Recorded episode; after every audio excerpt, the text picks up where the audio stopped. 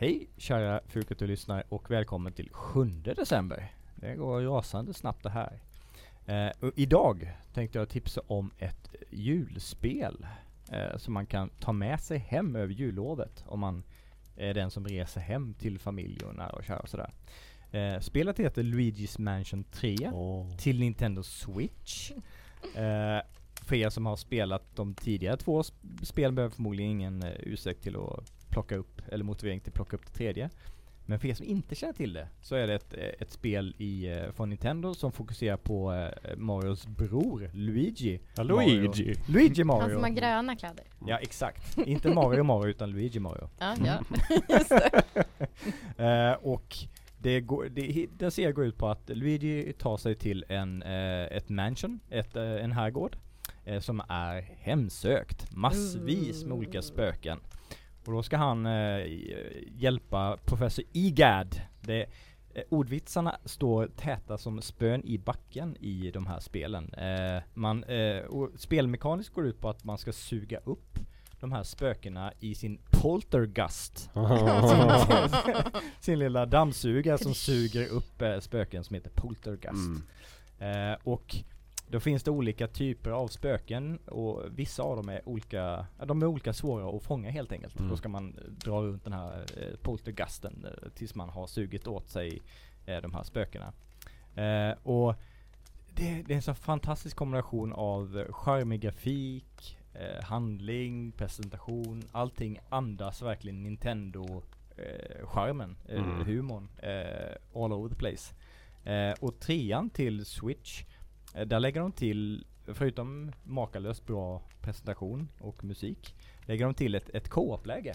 Så man kan spela eh, Mhm. speciella utmaningar med kompisar i ett, ett hotell. Ehm, eh, och även själva kampanjen, handlingen, eh, har, finns det co-op, eh, eller finns det ett, ett co-op-aktigt element där man kan frammana eh, en, eh, en eh, Guigi, som kallas. en slem eh, av. Luigi som kan göra vissa, utföra vissa funktioner.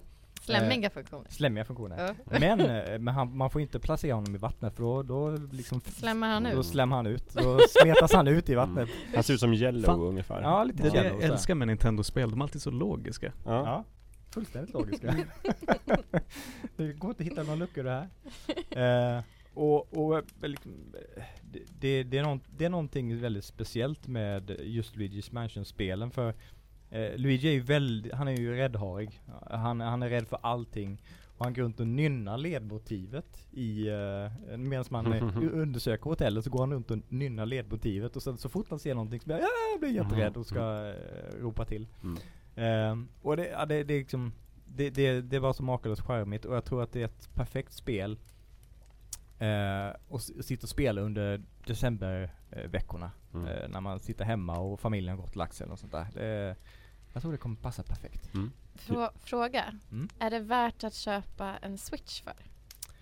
Alltså det finns ju många anledningar till att köpa en switch och det är en av dem.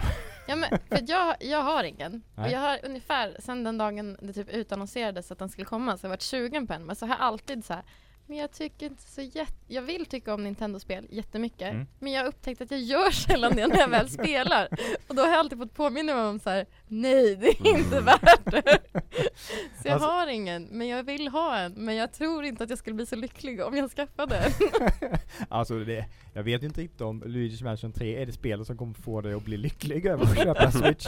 Men jag tror du skulle gilla det väldigt mycket för det, det osar av charm på alla sätt och vis. Mm. Du kan ju köpa en switch lite.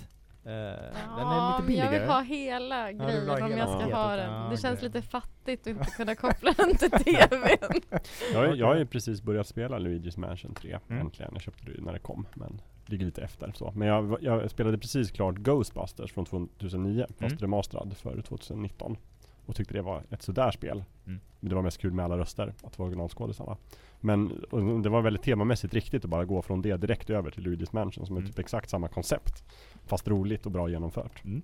Så att, ja, och det är otroligt, alltså det är nog det snyggaste Switch-spelet jag har sett. Mm. Ja, Ljuseffekterna är på många sätt så hävdar imponerande. sig mot eh, spel för de mycket kraftfullare konkurrerande Ja, plattformarna. verkligen. Och det är så här just, ja men reflektioner och ljus och dimma och mycket, det leker mycket med ljus och mörker. Mm. Sådär att saker och ting ser lite annorlunda ut på natten.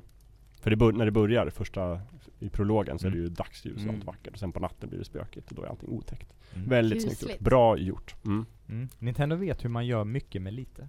Helt enkelt. Mm. Mm. Och det var mitt tips.